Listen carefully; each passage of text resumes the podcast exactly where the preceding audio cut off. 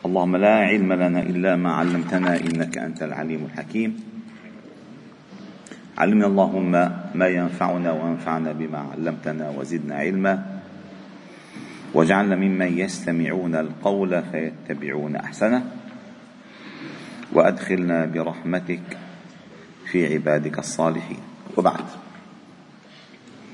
فلا نزال معكم أيها الأحباب الكرام في مجالس القرآن ضمن دروس قرآن الفجر. ومسيرتنا تطيب وتجمل وتحلو مع سورة النساء. ثالث السور الطوال في كتاب الله تعالى والتي تأتي بترتيبها طولا بعد سورة البقرة. وتسمى كذلك سورة النساء الكبرى. لما اشتملت عليها من أحكام شرعية من أحكام شرعية تخص الأسرة والعائلة والمجتمع. وكنا ذكرنا لكم في جلسة الأمس عن قوله تعالى في تقسيم الكبائر إن تجتنبوا كبائر ما تنهون عنه نكفر عنكم سيئاتكم وندخلكم مدخلا كريما. وذكرت لكم أن كل معصية لله تعالى كبيرة. كل معصية لله تعالى كلها. ما صغرت ما صغرت في عين فاعلها. وهذه المعصية تكون كبيرة لأنه تجرأ على أن يخالف الله تعالى بها. تجرأ. وحاله بفعلها هو الذي يحدد عاقبته بها. حاله بفعلها هو الذي يحدد عاقبته بها. والدليل على ذلك أن آدم عليه السلام الذي هو أبو البشر وإبليس عليه اللعنة الذي هو أبو الجن كلاهما كلاهما عصيا ربهما الرحمن بنص كتاب الله. فآدم الله تعالى قال عنه وعصى آدم ربه فغوى فآدم عصى ربه. وإبليس عليه اللعنة قال فأبى استكبر وكان من الكافرين. قال ما منعك أن تسجد لما خلقت بيدي؟ أستكبرت. أم كنت من العالين؟ قال فاهبط منها فما يكون لك أن تتكبر فيها؟ فاخرج. إنك من الصاغرين. فآدم عصى ربه بنص كتاب الله وإبليس عصى ربه بنص كتاب الله. ولكن الدافع من كليهما مختلف. الدافع من كليهما مختلف. فإبليس الدافع له على المعصية كبره. كبره. واتهامه ربه بعدم الإصابة في اختياره. أنا خير منه. بدي أسجد لواحد من طين وأنا خير منه. لم أكن لأسجد لبشر خلقته من صلصال من حماء مسنون. شوف الكبر. هذه معصية. الدافع لها الكبر. الكبر. طيب. آدم عليه السلام ما الدافع له للمعصية ربه؟ ليس الكبر. الضعف والغفلة والاغترار. قال هل أدلك على شجرة الخلد وملك لا يبلى؟ صدق قال وقاسمهما إني لكما لمن الناصحين. والله نصحكم في أحلى من الجنة. لا تطلعوا منها. كل ما شجرة وحد الموجود هل أدلكما على شجرة الخلد وملك لا يبلى؟ فإذا الدافع للمعصية ما هو؟ الكبر. إنما ضعفه وغفلته وتصديقه اغترارا بما قاله إبليس. فهذا عصى وهذا عصى فلما الله جل جلاله وجاه آدم للمعصية انظروا ماذا كان الجواب من آدم. وعندما واجه الله تعالى إبليس بالمعصية انظروا ماذا كان الجواب بالمعصية. قال الله تعالى ألم أنهكما وناداهما ربهما؟ ألم أنهكما عن تلكما الشجرة؟ واقل لكما إن الشيطان لكما عدو مبين. قالا ربنا ظلمنا أنفسنا وإن لم تغفر لنا وترحمنا لنكونن من الخاسرين. يا الله. بسورة بإبليس قال ما منعك ألا تسجد لما خلقت بيدي أستكبرت؟ قال أنا خير منه. قال أنا خير منه. قال ما لك ألا تكون من الساجدين؟ قال لم أكن لأسجد لبشر خلقته من صلصال. إذا عم يرد ما عم يعترف ما عم يقر عم يصر أن الذي فعلته يا رب خطأ. وأنا ما ما بمشي بالخطأ. هذا الفرق بين معصية إبليس ومعصية آدم. فالمعصية مهما كانت كبيرة مهما كانت كبيرة. في أعظم القتل في أعظم القتل ما في أعظم القتل. أول ما يقضى بين الناس بالدماء. قتل مئة نفس. قال له لا هل لي من توبة؟ قال ومن ومن يحجبك عن توبة الله؟ إذا يريد التوبة يريد التوبة يعترف مهما عظم الذنب. الدافع للتوبة هو الذي يحدد حجم هذا الذنب عندك وكيف الله تعالى جل جلاله يطهره أو يطهرك منه. وبالقلب مهما كانت المعصية صغيرة بعينك ولكن الدافع لها سيء فلا يغفرها الله تعالى لك.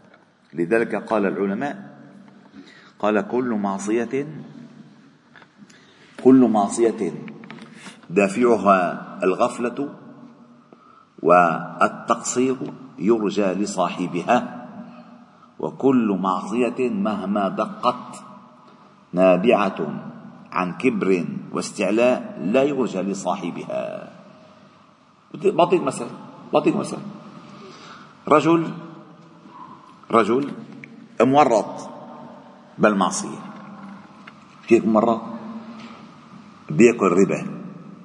في معصية خطيرة كثيرة. أكل الربا كثير خطير. وهذا لا لا يكفر ولكنه معصية. وهو يقر أن ما يفعله هو عين الخطأ. الله يا رب يا رب هيئ لي تب علي يا رب يا رب يا رب. هيئ. وإنسان ما دخل في جوفه قرش ربا قط ويقول لم يألك ربا حرام. هذا أخطر من ذلك. هذا هذا كلمة قال كلمة بس؟ كلمة قال ومن قال الربا حرام؟ ولا تكون الربا حرام؟ هذه المعصية يلي بظنوها كبيرة صغيرة صغيرة صغيرة هي الكبيرة. وهذه المعصية اللي هي كبيرة إن تاب وندم ونوى العودة لا لا تكون كبيرة. فإذا بحال في حال المرتكب للمسألة ليس بجنس الفعل. والله تعالى يقول ولله ما في السماوات وما في الأرض ليجزي الذين أحسن أساءوا بما عملوا ويجزي الذين أحسنوا بالحسنى الذين يجتنبون كبائر الإثم والفواحش إلا اللمم. إن ربك واسع المغفرة. يعني مهما اتسع ذنبك مهما اتسع ذنبك سيسعه سيسعه عفو ربك. مهما اتسع ذنبك مهما اتسع إن ربك واسع المغفرة. هو أعلم بكم. فأعلم بكم حين اقترفتم المعاصي المعاصية كيف كنتم. هو أعلم بكم. الضعف الغفلة الغرور أم الكبر والإباء والعناد. هنا الله تعالى يعلم ما في النفس ويعلم السر وأخفى. فقال إن تجتنبوا كبائر ما تنهون عنه نكفر. عنكم سيئاتكم وندخلكم مدخلا كريما وفي قراءة مدخلا كريما يعني الجنة. الجنة. فالله جل جلاله آه، آه، جعل على نفسه وعدا ألا يدخل أحدا الجنة إلا بعد تكفير سيئاته حتى يدخله حتى يدخلها طاهرا مطهرا. وقد يطهره الله تعالى في الدنيا فيما ينزل عليه من البلاء. فالنبي صلى الله عليه وسلم يقول لا يزال أو لا يبرح البلاء بالمؤمن حتى يتركه يمشي على الأرض وليس عليه خطيئة. وقال لأبي بكر الصديق مرة صلى الله عليه وسلم قال ما من عبد يصيبه وصب ولا نصب حتى الشوكة يشاكها إلا كفر الله تعالى بها عن خطاياه. وامتثالنا أوامر الله تعالى وحرصنا على تأدية فرائض الله تعالى من أعظم الأبواب التي تكفر السيئات.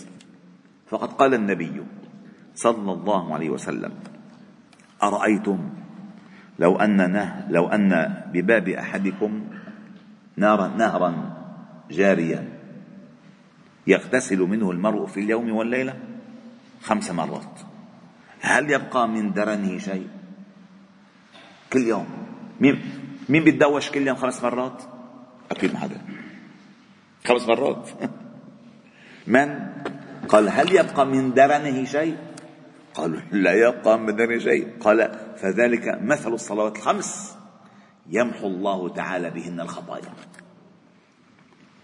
يمحو الله بهن الخطايا. وذكرت في درس الشفاء حديث جميل جدا اختصره لكم اختصره لكم اذكره لكم بالمعنى. أن النبي صلى الله عليه وسلم قال خلتان خلتان يفعلهما العبد المؤمن وإنهما ليسير وقليل من يعمل بهن. شو هن الخلتان أن تقول عقب كل صلاة كل صلاة سبحان الله عشرا. الحمد لله عشرا. الله أكبر عشرا. وقال الراوي الحديث ورأيت النبي صلى الله عليه وسلم يعقد بهن أصابعه. يعني سبحان الله عشرا. الحمد لله عشرا. الله أكبر عشرا. فقال فتلك خمسون ومائة. فتلك خمسون مائة وفي الميزان ده ألف وخمسمائة. ألف وخمسمائة. ليش مئة وخمسين. لأن ضرب ضرب عشرة على ثلاثين على خمسين بيطلع مئة وخمسين. لأن عشرة بعشرة بعشرة ثلاثين أنت كم مرة بتقول خمس مرات؟ مئة وخمسين. على كل صلاة. ضرب عشرة ألف وخمسمائة. عندك ألف وخمسمائة. وقال وحين يأوي إلى فراشه يحمد الله يكبر الله تعالى أربعا وثلاثين ويحمده ثلاثا وثلاثين ويسبحه ثلاثا وثلاثين فتلك مئة. فتلك مئة. والعشرة والحسنة بعشر أمثالها فتلك ألف. فألف وألف خمسمية قد قال فمن منكم يعمل في الليلة واليوم ألفين وخمسمائة سيئة. مين منكم يعمل؟ فإذا فعل هاتين الخلتين كفر الله تعالى له ألفين وخمسمائة سيئة. بسيطة. شو بدها؟ عشرة بعشرة بعشرة ما بدها شيء. فإذا فعل الأوامر والحرص على السنن والقربات هو الذي يكفر الله تعالى به السيئات ويرفع به الدرجات. فالله تعالى نسأل أن يوفقنا وإياكم لما فيه رضاه وأن يستعملنا فيما يكفر الله تعالى به سيئاتنا ويرفع درجاتنا ويرضيه عنا إنه سميع قريب مجيب. والحمد لله رب العالمين. سبحانه وبحمدك نشهد أن لا إله إلا أنت نستغفرك ونتوب إليك وصلي وسلم وبارك على محمد وعلى آله وأصحابه أجمعين. والحمد لله رب العالمين.